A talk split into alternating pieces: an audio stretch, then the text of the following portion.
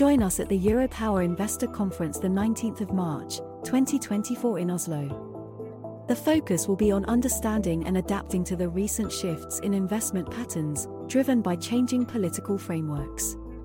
See investor.europower.no for information.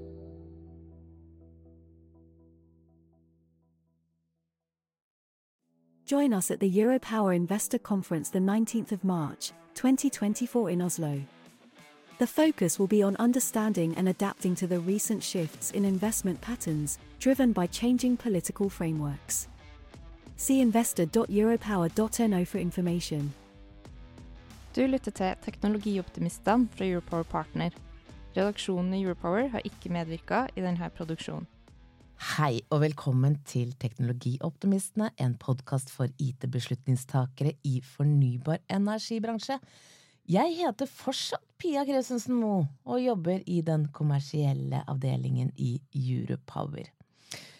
I dag så har jeg fått besøk av Svein Bekkevold, som er partner i Gretera, og Øyvind Akerhold, som er assosiert partner i Simonsen Vogt og Vik. Velkommen. Tusen takk. Mange takk. Du, eh, rett før nyttår så stemte regjeringen over en digitalsikkerhetsloven som setter krav til informasjonssikkerhet for blant annet da energisektoren. Men før vi går i dybden eh, i denne digital sikkerhetsloven, så lurer jeg på Svein Bekkevold, hvem er du? Ja, Svein Bekkevold, ja. Det er navnet. Eh, som du allerede har nevnt. Jobber i Gritera, og, hvor vi da lanserte en, uh, sikkerhetsrådgivningsselskap som, som, begynte for en fire-fem måneder siden da. Driver og med, jobber med å bygge opp eh, kapabilitetene der. Så veldig interessant. Uh, kommer fra forsvarssektoren opprinnelig. Så har vært der åtte år. Og jobba generelt med, med sikkerhetsbransjen i, i 15 år. Mm. Så jeg har vært innom både fysisk sikkerhet, jeg jobba med personellsikkerhet, og så mest med digital sikkerhet. Da. Så, mm. så da var det deg. Øyvind? Hvem er Øyvind du? Øyvind Akerholt. Jeg er uh, advokat i advokatfirmaet Simonsen Fuktvik og jobber på teknologi- og medieavdelingen der. Uh, så mitt område det er IT-kontrakter, og da ser vi jo de siste, ja, siste årene at IT-sikkerhet har jo kommet inn gradvis, og særlig nå de siste ja, siste tolv månedene i hvert fall, nå som den nye loven var på i anmarsj, så har det blitt stadig mer fokus da, på dette området. Ja, du nevnte jo veldig kjekt her sånn at du sluttet å jobbe i, i, i dag eh, natt tidlig, eller hva var det du sa for I dag tidlig. ja, ikke sant? Så det er mye å gjøre. Det er mye å gjøre for tida. Eh, Ja. Det er jo bra. Man skal ikke klage på det. Nei, det er sant, det. Det er sant, det. det, er sant, det. Du, um, la oss starte da med det store bildet før vi graver oss ned i, i dypet, som jeg sier her. Uh, og Øyvind, hva er digital sikkerhetsloven? Ja, det er et godt spørsmål. Eh, Digital sikkerhetsloven det er en eh, lov som er basert på et eh, EU-direktiv som kom i 2016 som heter NIS1. Formålet med NIS1 det var bl.a. å etablere et visst nivå på IT-sikkerhet i unionen.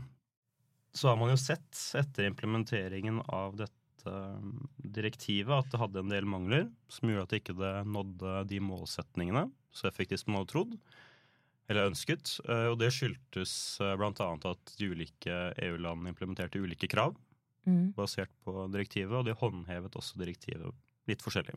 Så dette her jeg må bare, For å få dette her, for dette her er jo ikke mitt eh, område. Eh, så hvilken, hvilket omfang har da, da digital sikkerhetsloven? Omfanget er at den, eh, den ilegger offentlige og private aktører grunnleggende krav til digital sikkerhet i nettverks- og informasjonssystemer som de bruker for å levere det vi kaller samfunnsviktige eh, tjenester og Mhm. digitale tjenester. Men hva er samfunnsviktige tjenester? Hvilke sektorer er det som går innunder uh...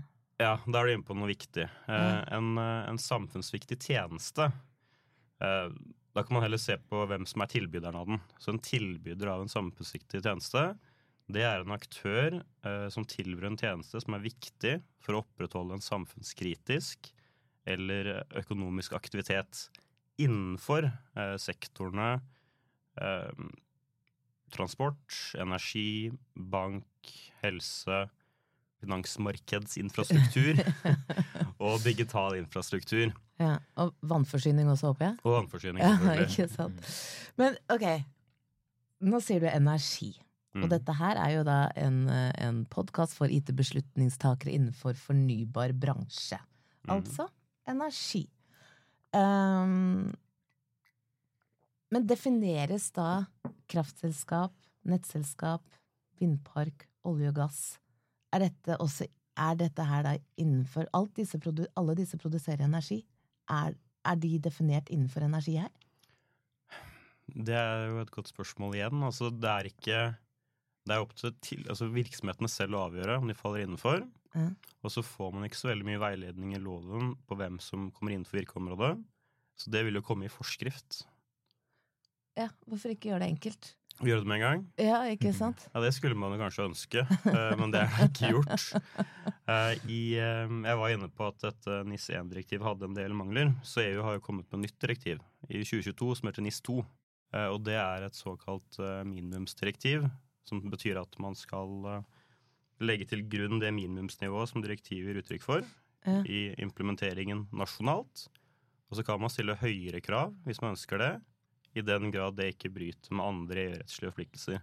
Og i NIS 2 så har man f.eks. da satt terskelverdier for hvilke virksomheter innenfor sektorene som omfattes av regelverket. Så det er fortsatt egentlig litt sånn surprise, surprise, altså om du blir underlagt egentlig NIS Heter, Eller- Heter egentlig loven liksom digitalsikkerhetsloven, eller kan vi bare kalle den NIS? Det er digitalsikkerhetsloven som innfører NIS 1 i norsk rett. Okay. Så man har jo tatt et direktiv fra 2016 i 2023 og lagd en lov, når vi fikk et nytt, mer oppdatert direktiv i 2022, som vil uansett erstatte det direktivet som vi har lagd en ny lov på. Ok. Så det nye direktivet, NIS 2, det kommer i oktober i år. Og da vil det kunne måtte kreve endringer i vår nye lov, da. Og det er da, da, da for eksempel da disse forskjellige energivirksomhetene som jeg da nevnte, eh, det er da de kan få beskjed om de blir underlagt da digitalsikkerhetsloven. Digitalsikkerhetsloven ble vedtatt 12. desember i fjor, Mm. men den er ennå ikke trådt i kraft. Okay. Så når den trer i kraft, eh, så vil jo de som faller innenfor virkeområdet, måtte følge lovens eh, regler. Men så er det viktig, da, i og med at du nevner eh, energi og vannforsyning, at hvis du, når loven trer i kraft, er underlagt sektorspesifikk lovgivning, f.eks.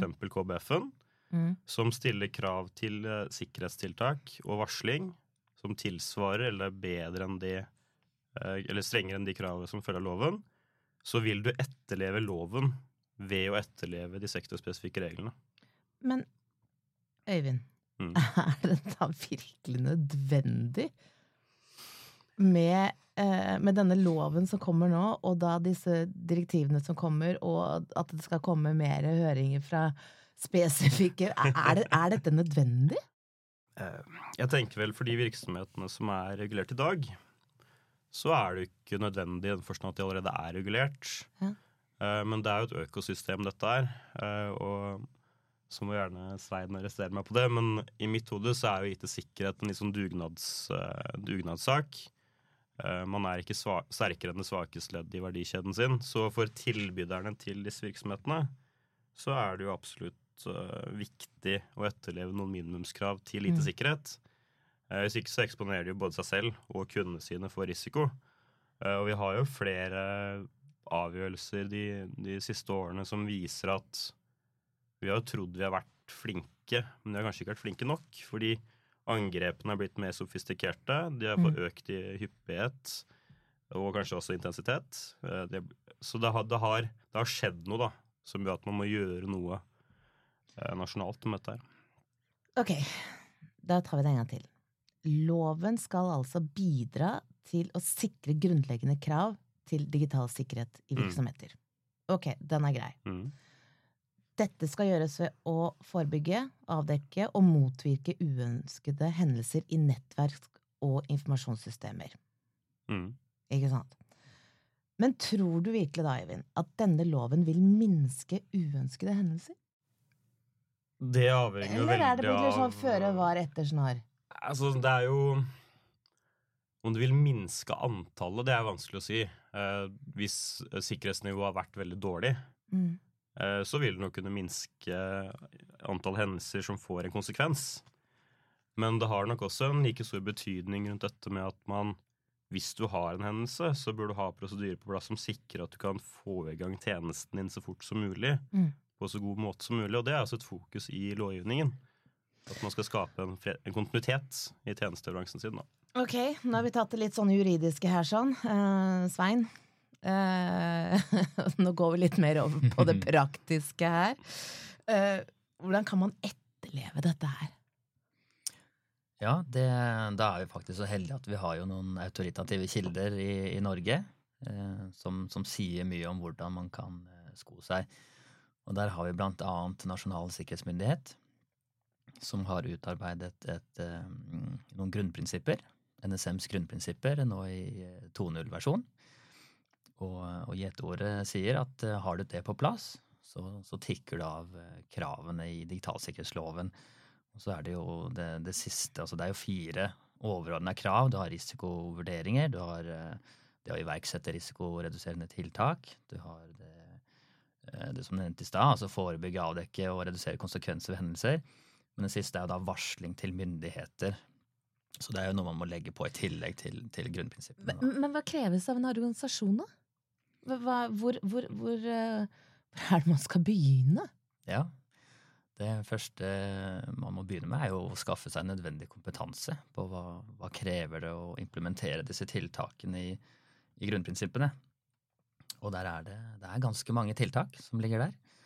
Så da, da er man avhengig av, eh, av kompetanse, rett og slett. Men også en ledelse som, som forstår viktigheten og kan legge til rette og prioritere at, at det tildeles ressurser, da, midler, for å, for å ivareta disse tiltakene. Ok. Men er det slik at selskaper nå må bygge en ny compliance-avdeling? Nei, det vil jeg ikke si. Man har jo gjerne et eh, system for internkontroll allerede på plass de Ja, vi har jo den der berømte GDPR-en som kom, egentlig, som eh, ble satt i gang veldig mye. Ja. Så GDPR har jo en rekke virksomhetens plikter, og en av de er jo beskyttelse av personinformasjon. Og den informasjonssikkerhetskravet der, det, det svarer ut veldig mye. Så hvis vi igjen peker på en annen autoritativ kilde i Norge, altså Datatilsynet, Mm. så, så peker de på det samme som NSM gjør i forhold til hva man kan gjøre for, for å beskytte seg. Og da, NSMs grunnprinsipper er jo én av tiltakene. altså Det er jo et tiltaksrammeverk. Men skal du kjøre en, en mer helhetlig styring, så, så anbefaler de da ISO 27001, som er sånn styrings på governance-nivå. Og så anbefaler de 27002 som da tiltaksrammeverk. Men det er jo da det samme som NSMs grunnprinsipper. Så Svein, det du sier er at hvis et selskap skal legge til rette for de nye kravene som kommer, så er det rett og slett også å få tak i kompetanse.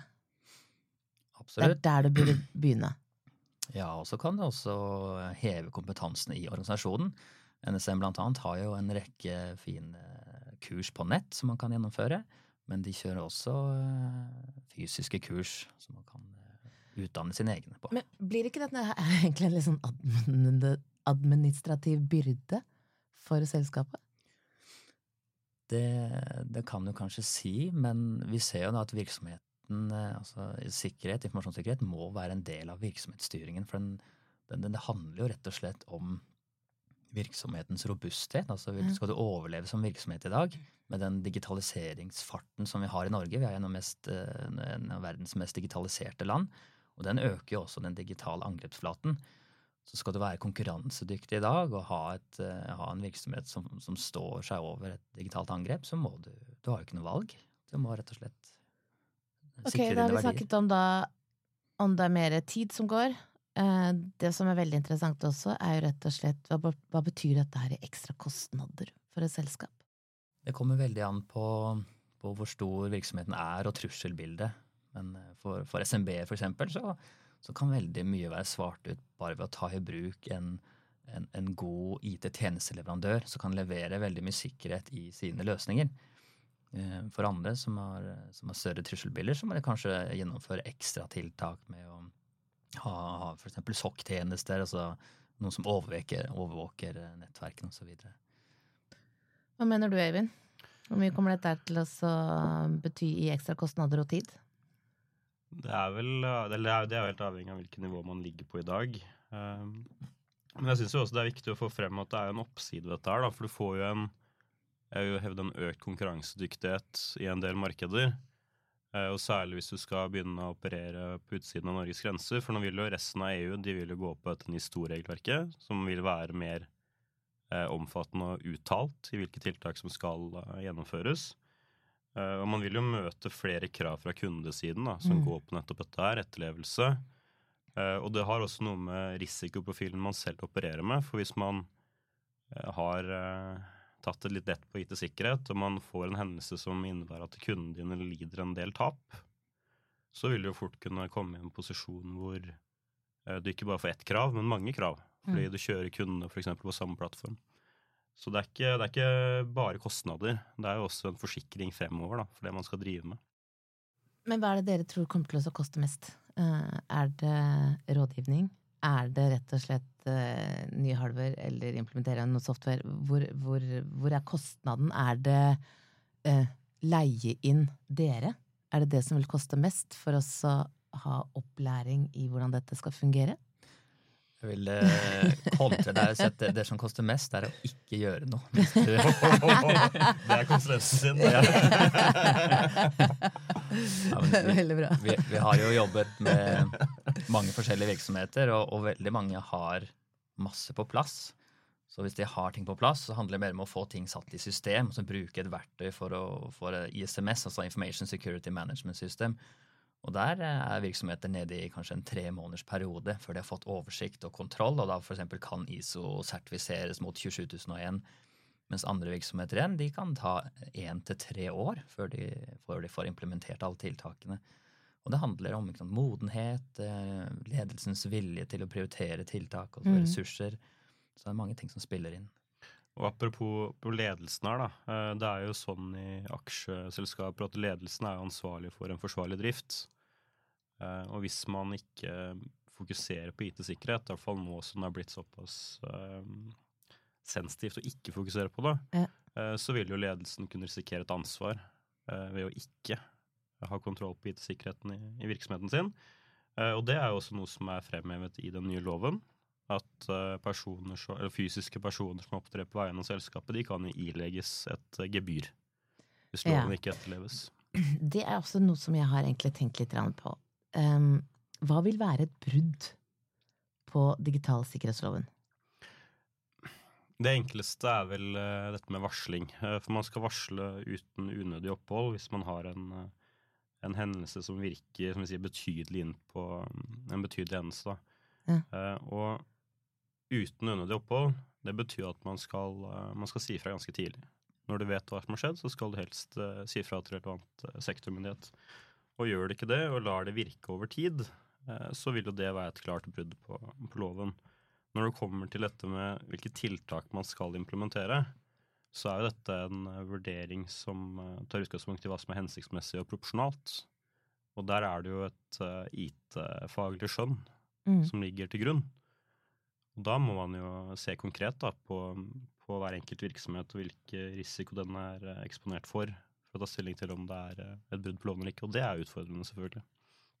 Jeg Skal også legge til, eh, Jeg var nylig på en, en konferanse for styret.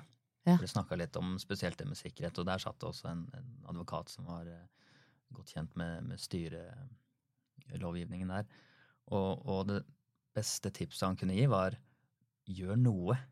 Altså, kanskje du tar et feil valg, men i hvert fall gjør noe, så dokumenter det. Sånn at, Still spørsmål. ja, at man vet at man er i Mm. gang med et eller annet. Mm. Og hvis du bare overser det, da, da er det enkelte forsikringer som ikke gjelder, da. Og dokumentasjon er jo et nøkkelord her. ikke sant? Ja. Eh, Man kan jo gjøre veldig mye, men hvis ikke du er i stand til å dokumentere det, eh, så vil, jo, så vil det være vanskelig for en tilsynsmyndighet å vurdere om du faktisk har gjort eh, det du skal gjøre. Eh, Og så er det igjen da tilbake til dette med, med kundecasene. Altså Hvis du har god dokumentasjon, i en konkurranse for å få et oppdrag, så vil jo det gi deg et fortrinn, Mm. uten tvil, eh, Mm. mot den kunden. Dere snakker jo da om eh, ting som kan føre til overtredelse eh, og, og da brudd. Men hva er egentlig konsekvensene eh, hvis du eh, har, et, eh, har en overtredelse eller du har et brudd? Blir det bot, eller hva er det vi, hva er det vi snakker om? Eh, Du vil jo mest sannsynligvis bli ilagt eh, at du, blir, du må rette forholdet. Eh, hvis det er graverende nok, så kan du få en tvangsmulkt mm. som løper inntil du har rettet det. Og så er det dette gebyret, som rett og slett bare er et gebyr for å ha brutt, brutt loven. Snakker vi sånn GDPR-gebyr, eller? Det er ikke kommet til uttrykk i loven eller forarbeidene, men i NIS 2 eh, så begynner vi å snakke GDPR-gebyrer, for det er sånne såkalte dynamiske gebyrer Ja. som ser på mm, Alvorlighetsgraden i det? Ja, men også hvor mye, hvor mye omsetning selskapet Mm. har, da, eksempel. Mm. Eh, Og det er selvfølgelig noe man kan legge inn i vurderingen av fastsettelsen av et overtredelsesgebyr. Okay. Så det er absolutt konsekvenser, men det er også viktig å få frem igjen da, at dette med at du eh, ved ikke etterleve reglene, så vil du også kunne eksponere deg for ansvar mot kundene dine. Mm. For har du brutt loven, en lov du er pålagt å, å følge, eh, og det bruddet på loven medfører en hendelse, eller gir grunnlag for en hendelse da, som gjør, at kundene lider et tap, så vil jo veien til å hevde at du har brutt avtalen med de kundene, den vil være ganske kort. Mm. Så det slår ut i flere retninger, dette her. Ja. Du ble jo da ansatt, eh, Svein her, sånn i Greteria for fire-fem måneder siden. eh, Og eh, avdelingen deres heter da Greteria Security. Eh, Jeg må bare spørre, var det rett og slett at du ble ansatt, og så ble det sånn follow the money? For det høres jo ut som at dette her er en kostnad for Nei, for min del så handler det nok litt av hvilken type person jeg er. Jeg er veldig ute etter utfordringer. Mm. Og så har jeg opparbeida meg en kompetanse over en ganske lang karriere. Eh, Mange forskjellige virksomheter eh, som da kan bistå virksomheter med, med å ta de, de eh, mest kostnadseffektive valgene da, for å få Mm. på plass en, et forsvarlig sikkerhetsnivå i virksomheten. Ja, for DNV også har jo da slått sammen x antall selskaper her med Apple Risk og eh, Nixu her, og skal lage da så å si eh, verdens største industrielle eh, cybersikkerhetsaktør ved navnet DNV Cyber. Så jeg må jo ærlig innrømme at jeg tror at um, Follow the money. Det, det tror jeg er viktig her nå. For, for eh, kan man si det, for, for min del, da, eh, som advokat som driver med IT-kontrakter, Mm.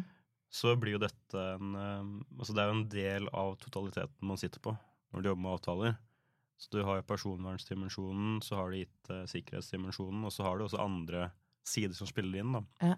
Så for vår del så handler det egentlig bare om at man må, man må følge utviklingen for å klare å gi gode råd, Ja. rett og slett. Men er det noe sted eh, hvor selskaper eh, kan f finne eh, veiledning og få og rett og slett lære litt selv, da? Hvor er, hvor er det de går hen, da? Jeg har allerede vært litt inne på det, altså Ja. de autoritative kildene. Ja. Der har vi jo på, pekt på NSM og Datatilsynet, men eh, NVE har også veldig gode veiledninger, eh, spesielt for, for de som er underlagt eh, kraftberedskapsforskriften. Men her Mhm. vil jo nå skje en endring, det er as we speak, på, på hvem som, som omfattes der. Og så har vi også Digdir, altså Digitaliseringsdirektoratet, som også gir råd overfor offentlig sektor, men også det er jo åpent for alle. Mm. Der er det mye god veiledning. Og så vil jeg kanskje skyte inn også at min anbefaling til virksomheter er å bruke et, et automatisert verktøy for å styre sikkerheten. For her er det det kan man få, få tak i i dag, som følger disse ISO-standardene, f.eks., eller NSMs grunnprinsipper, eh, NIS2, NIST, altså alle disse kjente rammeverkene. Det, det fins allerede i automatiserte rammeverk. Så jeg tenker at eh, sånn som det har blitt i dag, altså med AI og, og de, de verktøyene jeg har, så er det ikke noe behov lenger for å, å, å skrive dokumenter, styre dokumenter, og, opp, og også ha disse oppdatert. Dette kan du legge inn i et verktøy, et system, så kan du trykke på en knapp, og så har du den generert. Du, Mm. du skal ikke bruke tid på det lenger, nå skal du fokusere på det operative og få gevinst i de tiltakene som, ligger, eh, som, som er mulig å implementere.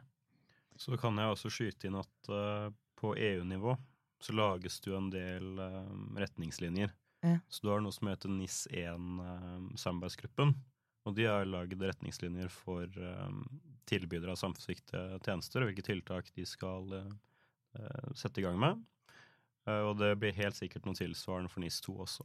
Så det fins flere kilder for kunnskap da, på dette. her. Begynner dette her å bli for komplisert for et, et selskap? For mange selskaper så mener Dere kan det. komme med personlig eh, mening. Ja, ja. Nei, det er derfor igjen jeg påpeker det med bruk et verktøy som, som svarer ut alle punktene i en ISO-standard, og som også har eh, allerede eksempler på hvordan man Mm. kan implementere det i virksomheten. Man har ikke tid, man har ikke nok timer i døgnet til å sitte, sitte på det her. Det er, som du sier, det er komplekst, det er svært. Og da bruk eh, hjelpemidler. Jeg, jeg tror det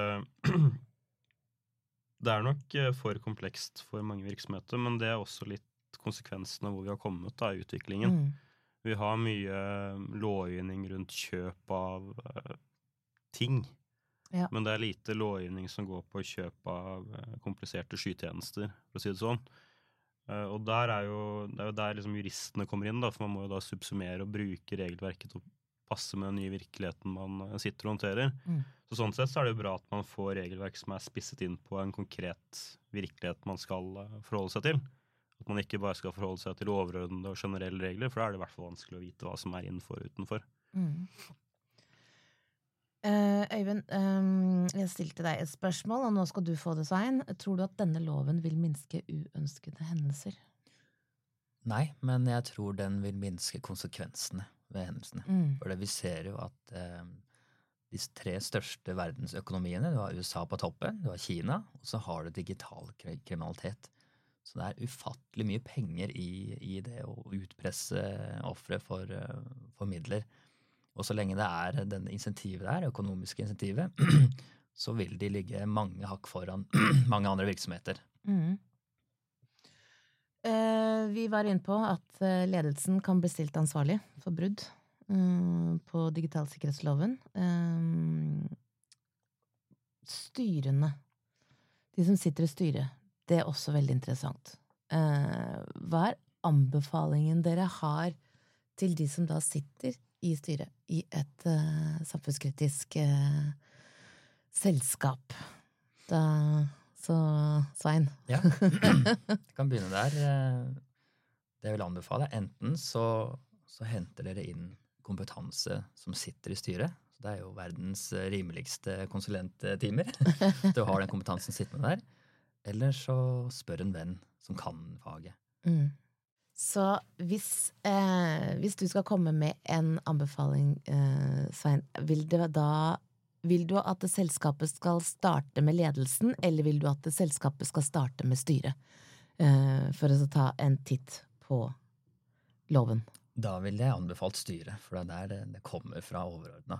Og det er der også eh, bøtene kan ligge, hvis man ikke etterlever. Så det er utrolig viktig at ledelsen eh, støtter sikkerhetsarbeidet. Ellers så, så kommer man til kort lenger ned i, i stacken. Vi eh, var også innpå her et tilsynsorgan. Ja. Ja. Jeg vil at vi skal snakke litt om tilsynsorganet til denne loven her. Eh, hvem, hvem skal gjøre dette? Ja, Det er ikke bestemt ennå. Det er regjeringen som skal eh, utnevne de tilsynsmyndighetene som skal forvalte loven.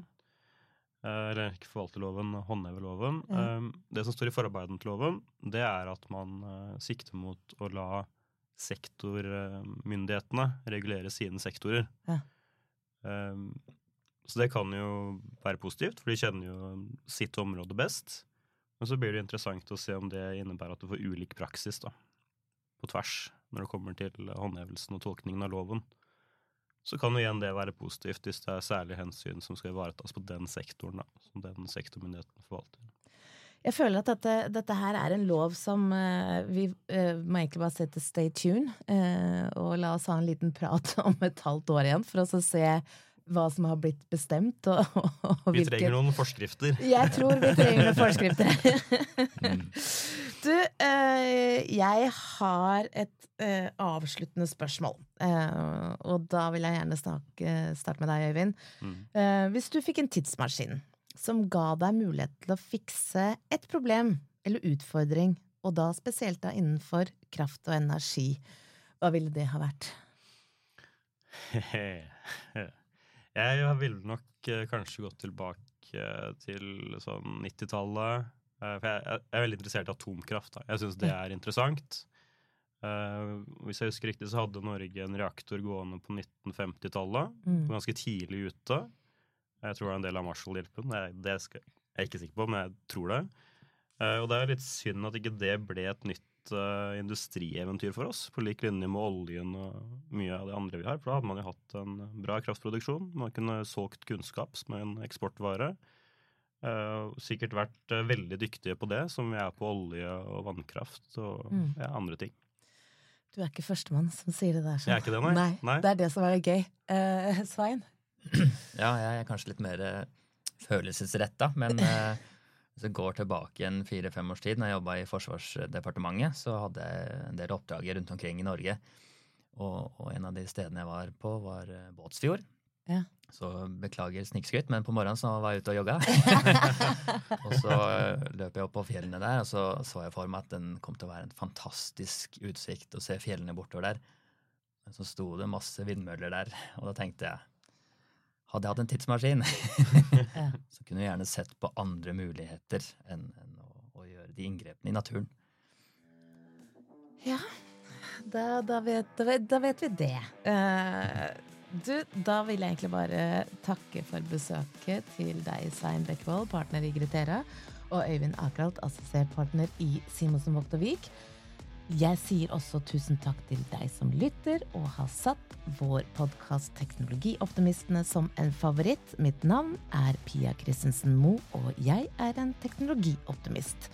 Og Øyvind? Jeg er også en teknologioptimist. Bra. Svein? Jeg er også det. Det, det er egentlig litt så forpliktet når dere er invitert inn i denne podkasten her. Da er det bare å si takk for meg. Join us at the Europower Investor Conference the 19th of March, 2024 in Oslo. The focus will be on understanding and adapting to the recent shifts in investment patterns driven by changing political frameworks. See investor.europower.no for information.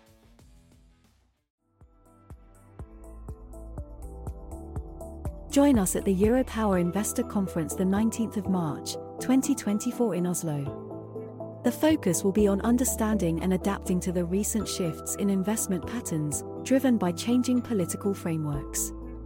See investor.europower.no for information.